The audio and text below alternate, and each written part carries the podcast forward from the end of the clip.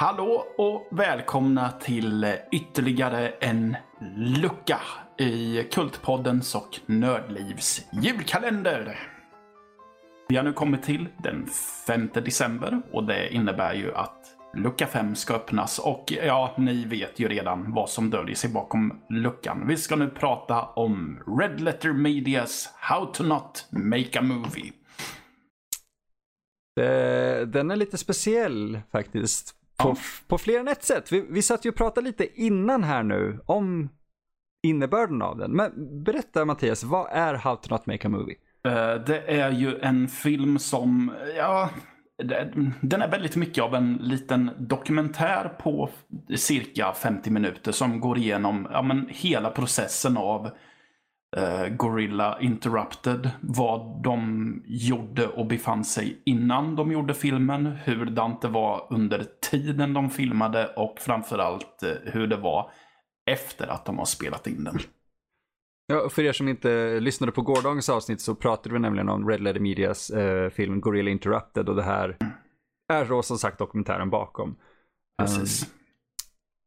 Ja, så medverkande i den är ju uh, Jay Bauman, Mike Stoklasa, mm. uh, uh, Rich Evans och sen så är även Lisa Renly med. Som spelade Jay Baumans flickvän i Gorilla Interrupted. Just så. Hon är ju med mer ordentligt än vad Garrett Gilchrist är. Som bara är med i Eh, bakom materialet från när de filmade Gorilla och då också i de scenerna de visar ifrån Gorilla Interrupted. Mm, det är ju tio år isär från att de filmade och till att de, äh, till att de filmade Gorilla Interrupted och att de släppte den här versionen vi idag kan se. Ja, uh, precis. Ja, men den börjar ju mer eller mindre med att eh, Mike och Rich pratar om, ja och Jay också när de väl kommer till honom. De pratar ju om eh, vad de gjorde innan så vi får reda på att ja, men Mike och Rich de gjorde mycket konstiga kortfilmer tillsammans. Som oftast gick ut på att uh, Mike satte upp en kamera och så tvingade han Rich att ta på sig konstiga kläder och säga konstiga saker och typ ramla och förstöra saker. vi, vi, får se en del klipp från de filmerna faktiskt och det, det är exakt det du beskriver som händer i dem. Ja, exakt. Um, men sen så hittade de Jay tack vare ett internetforum där många eh, lågbudgetfilmmakare fanns. Uh, Jay hade väl en annan ingång. Han gjorde, han gjorde i huvudsak uh, komedier men han hade någon slags Kevin Smith-ingång till det hela. Mm. Så han gjorde filmer som var lite mer karaktärsdrivna snarare än uh, handlingsdrivna. Men att, de bägge, men att de kände att de alla tre kunde enas i att de inte försökte att eh, föreställa sig vara några slags filmkonstnärer. Som många i det forumet gjorde. Ja, det var tydligen väldigt många som typ gjorde Pulp Fiction rip-offs och tyckte att de höll minst lika bra klass som Tarantino själv. Mm. Vi har alla varit där, men eh, det var... Det finns en viss punkt i livet då man säger nej nu får jag nog fan antingen göra något eget eller så lägger jag av och vara pinsam. Mm, precis. Och sen så eh, på samma forum så hittade de ju han Garrett Gilchrist också. Som hade lite samma ingång till uh, filmskapande och att han störde sig på samma typ av människor som de övriga tre gjorde. Så de bestämde ju sig helt sonika för att göra någonting tillsammans. Mm. Um, vi, vi kan ju säga att det här forumet var ju innan YouTube, så det var inte så att du hade eh, video-hosting grej, utan du, man fick ju skicka, de skickade ju VHS-kassetter mellan varandra. Ja, Det är ju precis. fantastiskt. Det är jättekul och uh, Rich Evans säger det att en av anledningarna till att han kände att de ville göra någonting med Jay Bauman var ju för att de tittade på en av hans filmer och han sa att jag hade ju, jag fick nästan direkt känslan av att jag ville se den igen. Och det var väldigt ovanligt på den här tiden med den typen av filmer. Det är bra betyg faktiskt. ja, det är ju det. Uh, så uh, Gorilla var ju helt enkelt bara en film som var en ursäkt för de här fyra människorna att göra något typ av samarbete tillsammans. Egentligen. Mm. Uh, så de... Så Mike skriver ihop manuset på typ en dag. Yep. Uh, på fem, om 50 sidor och uh, tycker att det här ska vi filma på en, på en vecka och den ska vara det ska vara en fullängdsfilm. Mm. Och jag, tänkte, jag kände ju för mig själv när jag satt och tittade på när hur magsåret typ började begynna bara av tanken att försöka filma en feature length på en vecka. Vi, vi, vi båda har vänner som har haft den väldigt fina optimistiska inställningen. Och eh, jag vet att vi båda har fått saker pitchade till oss där de säger att vi gör den här filmen, den är lågbudget, den är på en location och vi, vi kan göra den på en vecka. Och Ja. man blir lite sådär, mm, Ja, jag är ju inte så välbevandrad egentligen i det där, men det har ju hänt att jag har fått sånt pitchat till mig och jag har faktiskt dragit mig ur för att jag känner att nej, nej, jag kommer inte palla med den stressen. Det är enklare att bara typ skära halsen av sig än att fucking ta livet av sig vid att göra en lång film på en vecka. Ja, precis. Eh, för jag vet ju att det kan ju vara stressigt att bara göra en halvtimmes lång film på två dagar. Okej, okej, jag ska inte fastna i det jävla PTSD-hålet, men ja. nej, nej. Ehm, Ni, ni kanske Så- märker det, att vi har, vi har en djup relation till, till den här typen av dokumentär. Så... Eh, Ja, ja, det är mycket relaterbart till den här, men det kommer vi förmodligen till lite Oh, ja. längre fram, tror jag. Förlåt att jag avbröt dig. Ja, Varsågod. det, det, det är lugnt. Eh, och eh, men så det känns ju som att alla borde egentligen ha dragit i bromsen av att försöka filma en feature length på en vecka. Men tydligen så var det så. För Jay Bauman är väl den enda av dem som egentligen har eh, erfarenhet av att göra fullängdsfilm. Så, och han sa att ja, det var ju så jag jobbade. Jag crankade bara ut filmer på jättekort tid. Så Ja, bara för att ha gjort en film liksom. ja, precis. Eh, och Så de samlar ihop sig hemma hos Mike och Rich. Ja, Ja, i ja, i, sam, ja i, i stort sett. Ja, precis. Eh, Garrett bodde ju i eh, Kalifornien så han var ju tvungen att flyga dit dock. Och eh, titeln till filmen kom de på on the fly också tror jag. Ja, för, för Jay ville kalla filmen eh, Girl Interrupted Part 2. Ja, Och om, han kommer inte ihåg vem av dem det var som eh, felhörde honom. Men eh, det slutade då med att filmen fick heta Gorilla Interrupted. Och Girl Interrupted kan vi ju säga är ganska, egentligen, har du sett den? Girl Interrupted? Ja. Nej. Det, det är en film med Angelina Jolie eh, och jag kommer inte ihåg vilka de andra skådespelarna. Viona Ryder är med i den också. Eh, som, de, de bor på ett mentalsjukhus. eh, eller är in, inlagda på ett mentalsjukhus och hur de försöker hantera sin tillvaro. Det är en ganska allvarlig och svår film egentligen. Så eh, det är lite kul att de tänker att ah, vi har en film som heter Part 2 och sen är det en stor gorilla med. Japp. Eh, ja, men i alla fall. Sen så börjar väl processen skaka till väldigt mycket när de börjar, när de, redan när de hämtar Garrett på flygplatsen. För som sagt, det är Mike som har skrivit manus och tanken är väl att han ska vara någon slags regissör för den också. Ehm, Någon slags är helt rätt ord. Ja, precis. De ville väl inte sätta titlar på varandra, men Mike var den som ändå tog på sig att ha något slags övergripande öga. Man, man så. behöver alltid det. Man behöver Ja. någon som leder ett, ett skepp. Precis. precis. Eh, men det första Garrett gör när de hämtar honom på flygplatsen är att han ur sin ryggsäck plockar fram ett manus som är dubbelt så långt som det som Mike har skrivit. Vilket för med sig sen när de bör, redan när de filmar första scenen som är, för er som har sett filmen så är det när um, Rich har bundit fast Garrett i, i sitt hus. Um, redan där så känner ju Mike att han inte har kontroll över sin film för Garrett typ sitter och uh, försöker få, att han sitter och får fram repliker som inte står i manuset Mike har skrivit och han börjar prata om han ger direktiv om saker som ska ske som inte heller står i Mikes manus.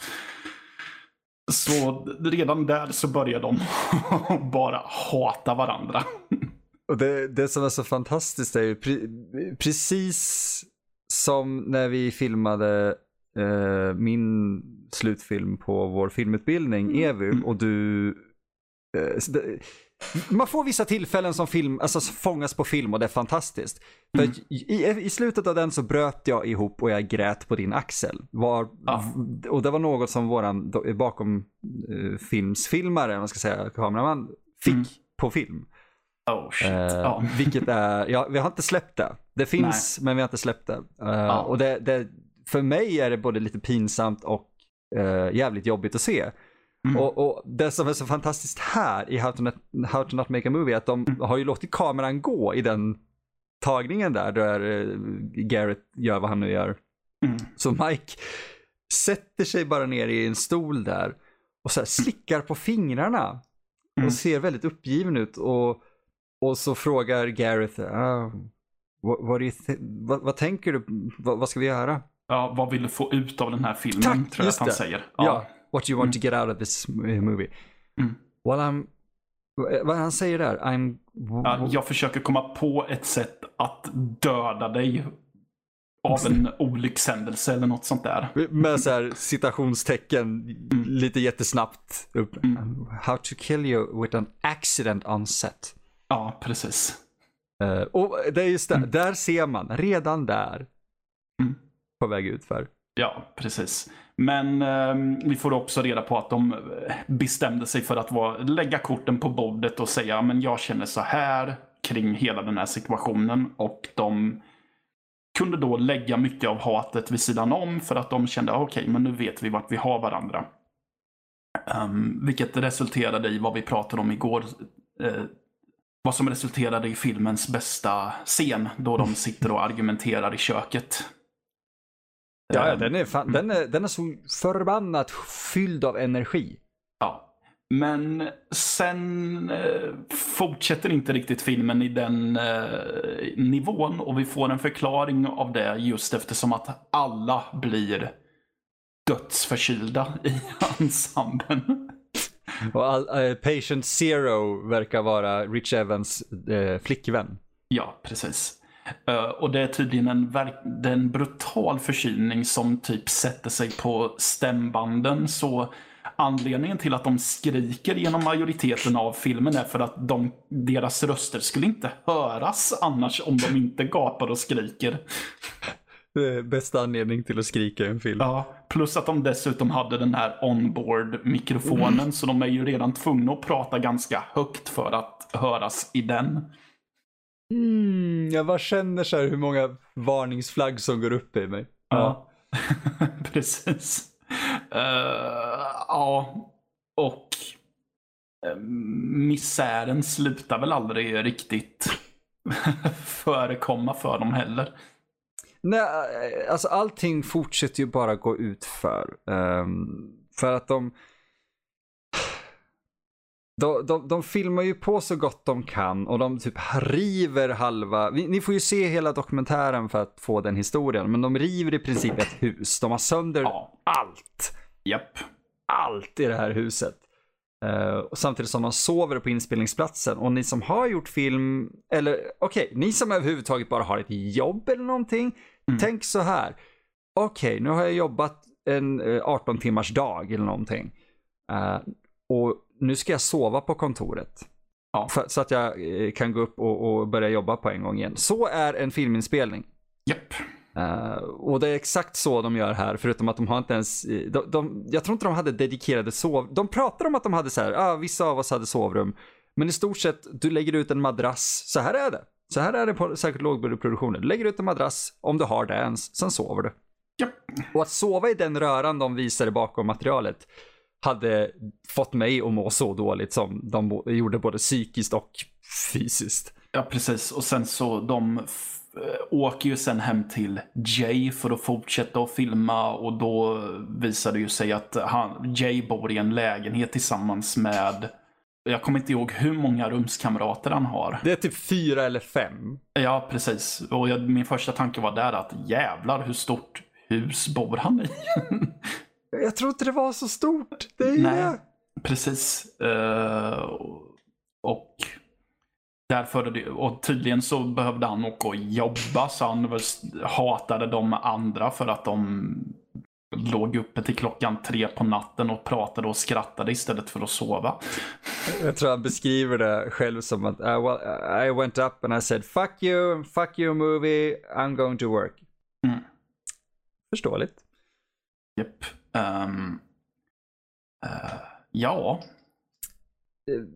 Ja, vi, alltså det, man får ju ta del av hela den här frustrationen och processen. Men det som är så mm. fantastiskt är ju att vi ser Eh, filmen blir färdig. Alltså, ja. för filmen är indelad, eller dokumentären är indelad i tre olika segment tror jag. Det är mm. Before Gorilla, sen kommer jag inte ihåg mitten. During. Segment. During, ja just det, during och sen det after. Ja. Uh, det, det, jag tycker är kul också är för att vi pratade ju om att um, uh, vi gillar utomjordingsscenerna.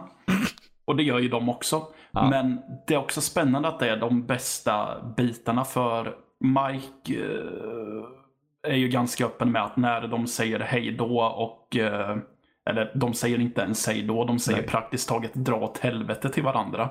Vilket finns finspelat. ja, precis. Uh, och Visst, det känns som att det är glimten i ögat, men jag tänkte att det är säkert mer genuint menat än vad de vill ge sken av där. Um, um, det är ofta och, så.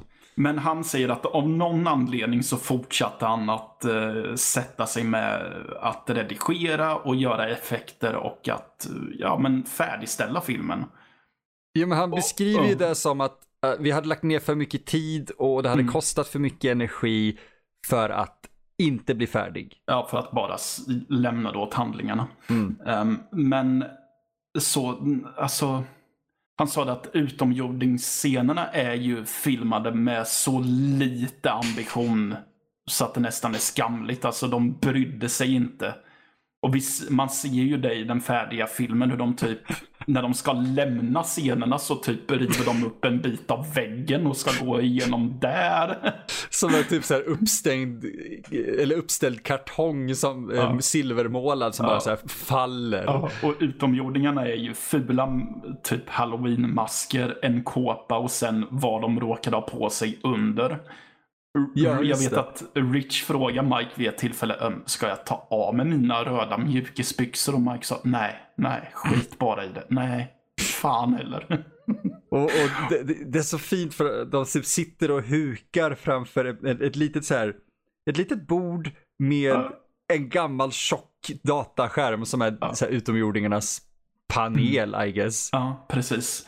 Och jag tror, av någon anledning så är det här de bästa scenerna i filmen.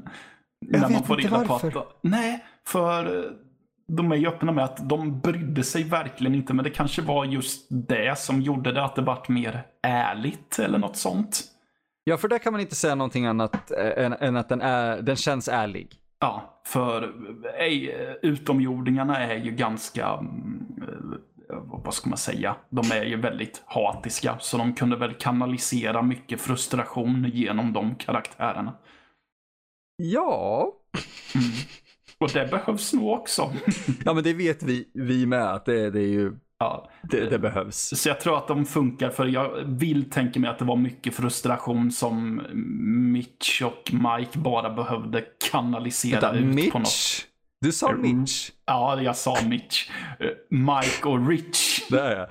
Förlåt. Det är ingen fara. Eh, att de hade så mycket frustration som de bara behövde kanalisera ut på något sätt. Ja, och de, de riktade det, utan att tänka efter kanske, de riktade det ganska rätt. Ja, precis. Men det, Eh. bli- det blev ju inspelat. Ja, det var det. Eh, Så vad hände sen? Eh, vad som hände sen är att de, ja, de färdigställer filmen. Vad, hur var mottagandet? Ehm, Det här är 2003 kan vi säga. Ja, jag kommer inte ihåg eh, riktigt om det var någon global reaktion så.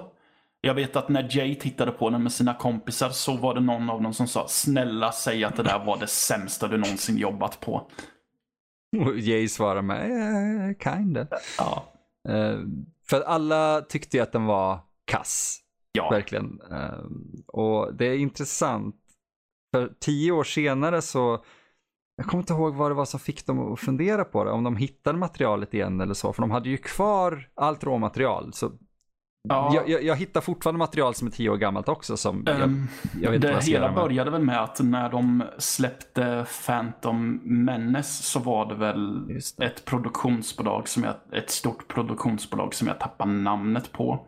The Paramount eller Ja, Universal. Ja, något av dem. precis. Något av dem ville ju rida på den framgångsvåg som var um, Paranormal Activity. Mm. Det där var väl 2010, 2011 någon gång. 2007 började det där. Så, ja, precis. 2008 till 10 där så letade de. Ja, eh, då projekt. letade, precis, de letade efter pro, eh, lågbudgetprojekt som de kunde eh, marknad, ja men typ göra om eller något sånt. Mm, ge en liten budget till de här som hade gjort sitt projekt och, och få en bättre film av det. Ja, precis. Så att, och typ eh, bygga vidare på den framgången. Och, och då eh, hade de kontaktat Mike då. Mm. Och han sa att han, var, eh, att han fick upp ögonen för filmen lite då. Han började skriva ett nytt manus och så för att göra om göra en remake och sen så rann det här bara ut i sanden och produktionsbolaget gjorde Paranormal Activity 2 istället. Vilket är jättekul för att när han säger det i dokumentären så är det ett par sekunder tystnad när han tittar in i kameran och sen klipper de dem till en del i filmen där utomjordingarna säger Fuck you guys! Ja, go fuck yourselves. Go fuck yourself! Ja, precis. Ja, men man ser det att jag hade den här möjligheten som kunde leda till något stort och det bara sket sig. Japp. Ja. Ehm, men jag tror, men det känns nästan som att det var det som sporrade inspirationen till att eh, plocka upp filmen och putsa till den lite. Mm. För att de eh, de kom väl på att de hade, trots den misären som var, så hade de väl ganska goda minnen av just själva filmupplevelsen eller något sånt. Ja, det, det blir lite det här när man får en distans till någonting man har gjort så börjar man glömma bort det som var jobbigt. Ja. Eh, Jag, jag har fått höra jag vet inte om det är så här, men jag har fått höra, eh, beskriv, fått det beskrivet för mig som en födelse. Du, Mm. eh, är, du, du går igenom som fruktansvärt smärta och, och, och ångest genom nio månader och så. Sen föder du ditt barn och du tänker kanske aldrig igen. Sen Mm. går det ett tag och här, ja men, jag minns inte att det var så farligt. Och sen gör du det igen. Mm. Eh, och jag tror att det är lite samma sak här, att nej, jag vill aldrig någonsin göra det här igen, jag vill inte röra det här materialet. Det går ett par år. Hmm. Ja, men det var ju inte så farligt. Jag minns det här som kul. Mm. Så då går det in i, näst, i den tredje fasen som är after Gorilla. Där, de, eh, där vi får se att de, men de putsar till några effekter. De gör om några Eh, effekter Ja, helt. gör om helt och hållet. Och Jay visar ju vid ett tillfälle när de eh, kommer till den här portalen som drar ner dem i helvetet. Så sa han att det här är, jag måste ju ta ur eh, att, han menar på att han måste ta ur varje individuell karaktär och keyframea om allting igen. Att de rotorscopar hela Ja, skiten. precis. Det är vansinnigt tidskrävande. Ja. Och de eh, gör en mer praktisk variant av helvetet. Att klippa in i bakgrunden. De Eh, gör av typ papier-maché och sand. Ja, precis. Och de har ju approachen att men vi hade, hade vi bara varit villiga att lägga mer tid på filmen så hade vi faktiskt eh, rent krasst kunnat göra det här back in the day också. För Mm. att vi hade det här tillgängligt för oss. Eh, Ja, exakt. Den är väldigt Ja. viktig där du säger det, för att de håller ju, eh, de vill hålla den känslan, så de filmar ju allting i 4.3 igen i eh, standarddefinition eh, Mm. och praktiskt. Ja. Så, ja. Precis. det, det Och- känns aldrig som att det är någonting i Gorilla som eh, clashar. Nej, precis. Ja, ehm, och ja, mer om efteråt vet jag inte vad man ska säga riktigt heller. Nej, det, det, vi behöver ju inte gå in så jättemycket på, mer på själva just filmen där i sig, men de pratar ju om eh, erfarenheterna av att ha gjort en, en film som Gorilla och Mm. hur mycket de lärde sig av den. Ja. Eh, För jag tror det är det som formar många independent-filmare, just deras första erfarenheter och vad de lär sig av det.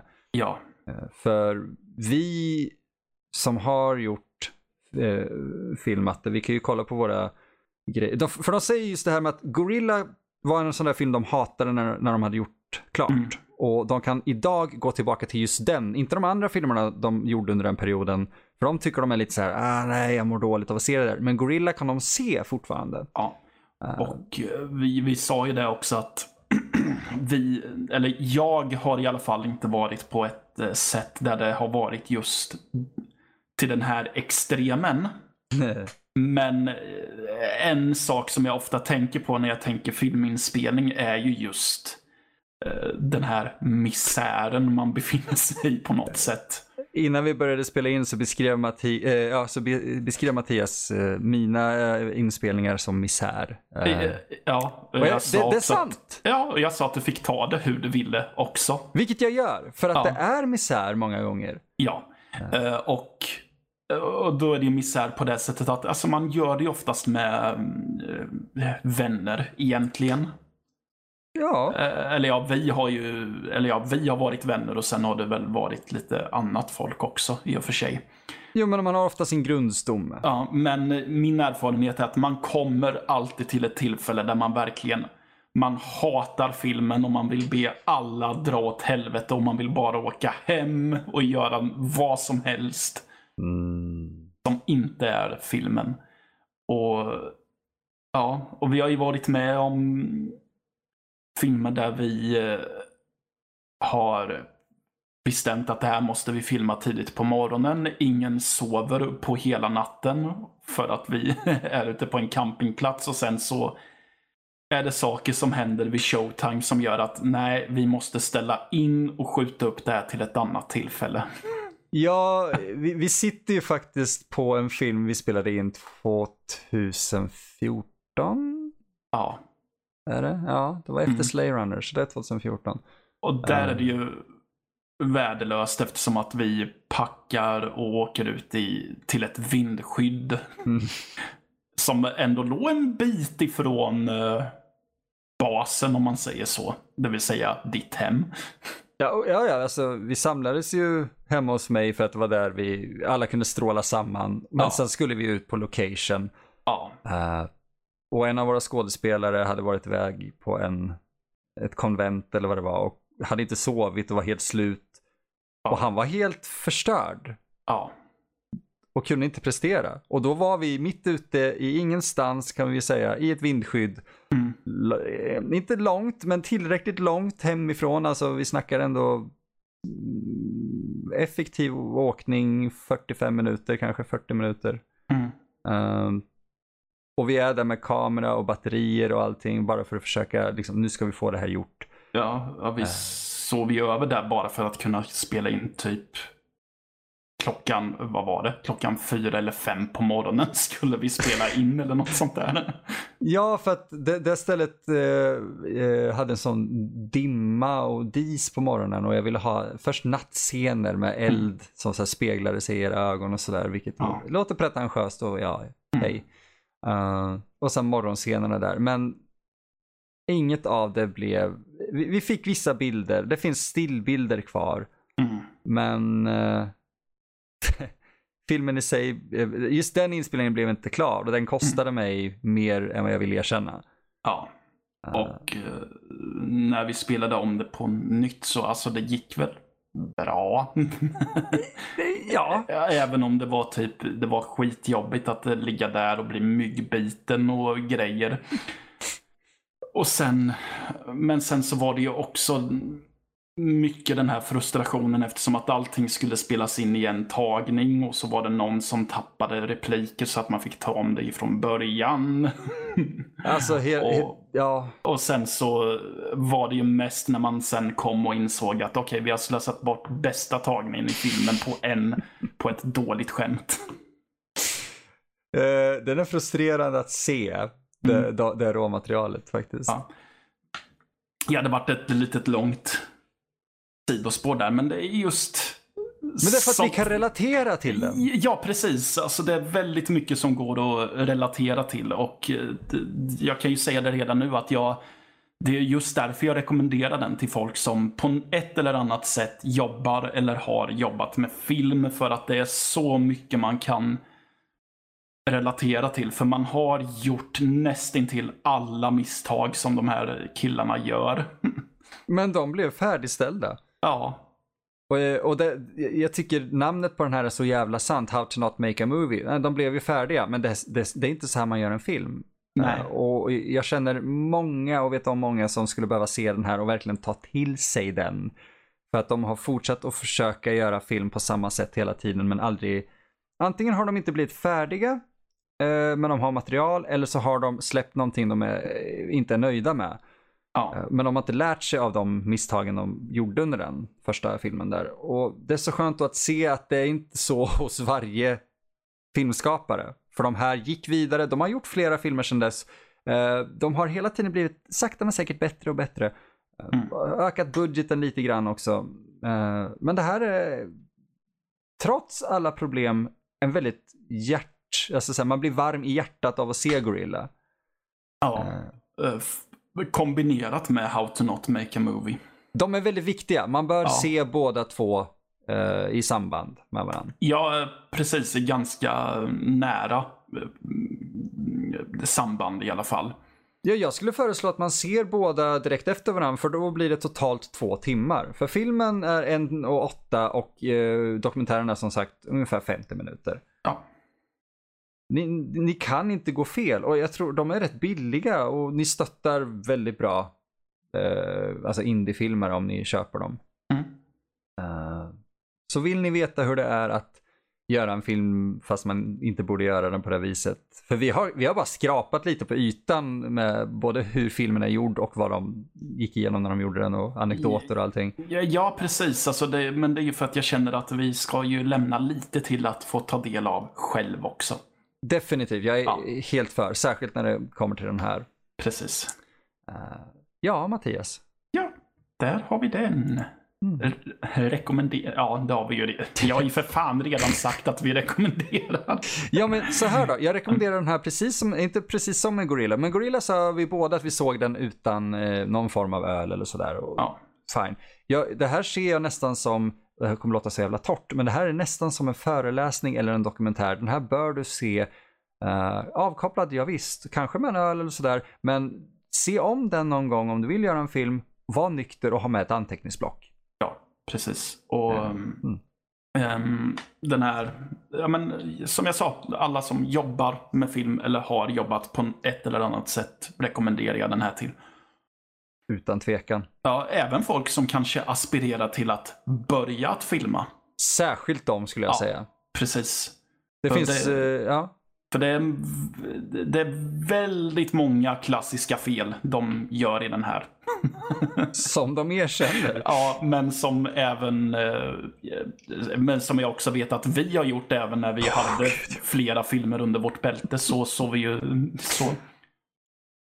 Ja, äh, äh, Ja. Vi, kan ju, vi kan göra en liten sån reklamgrej. Om man är nyfiken på vad vi har gjort, snälla var inte det. Så kan man se våran utveckling. eh, Okej Matte, du, du får ursäkta mig. Men det är december trots allt. Ja. Så ni kan ju ta och leta upp två filmer vi gjorde året efter varandra. Mm. 2011 gjorde vi nämligen en, en film tillsammans med din rumskamrat Ja. som heter Oves julafton. Filmen Ja. heter det. Mm. Den finns på YouTube, jag tror den finns på Vimeo också. ja. Eh, finns en Oves julafton 2 också. Ja, det är Mm. precis det jag ska komma till. Därför att första filmen har extremt många grundläggande problem. Ja. Eh, alltså eh, skamligt många. Mm. Eh, sen året efter, 2012, gjorde vi en uppföljare. Ja. Och, och, och trots att den också är kass egentligen.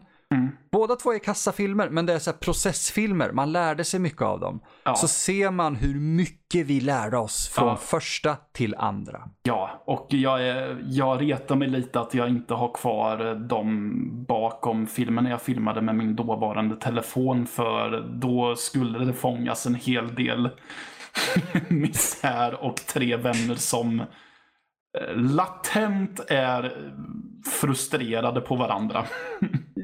Det där, vi ska prata om det där off mic känner jag, för vi har, vi, jag har en intressant fråga till dig där då. Ja, Eh, men vi kan ju avrunda det här avsnittet. Eh, ja, det är du som ledde det, så varsågod Mattias. ja just det. Ja, men då tackar jag för att ni har lyssnat på denna lucka. Och imorgon är det 6 december och då är det lucka 6. Vad döljer sig där månntro? Ja, det håller vi på lite nu. det gör vi. Ja, men vi hörs imorgon helt Ja, enkelt. det gör vi. Ja, hej då. Hej då.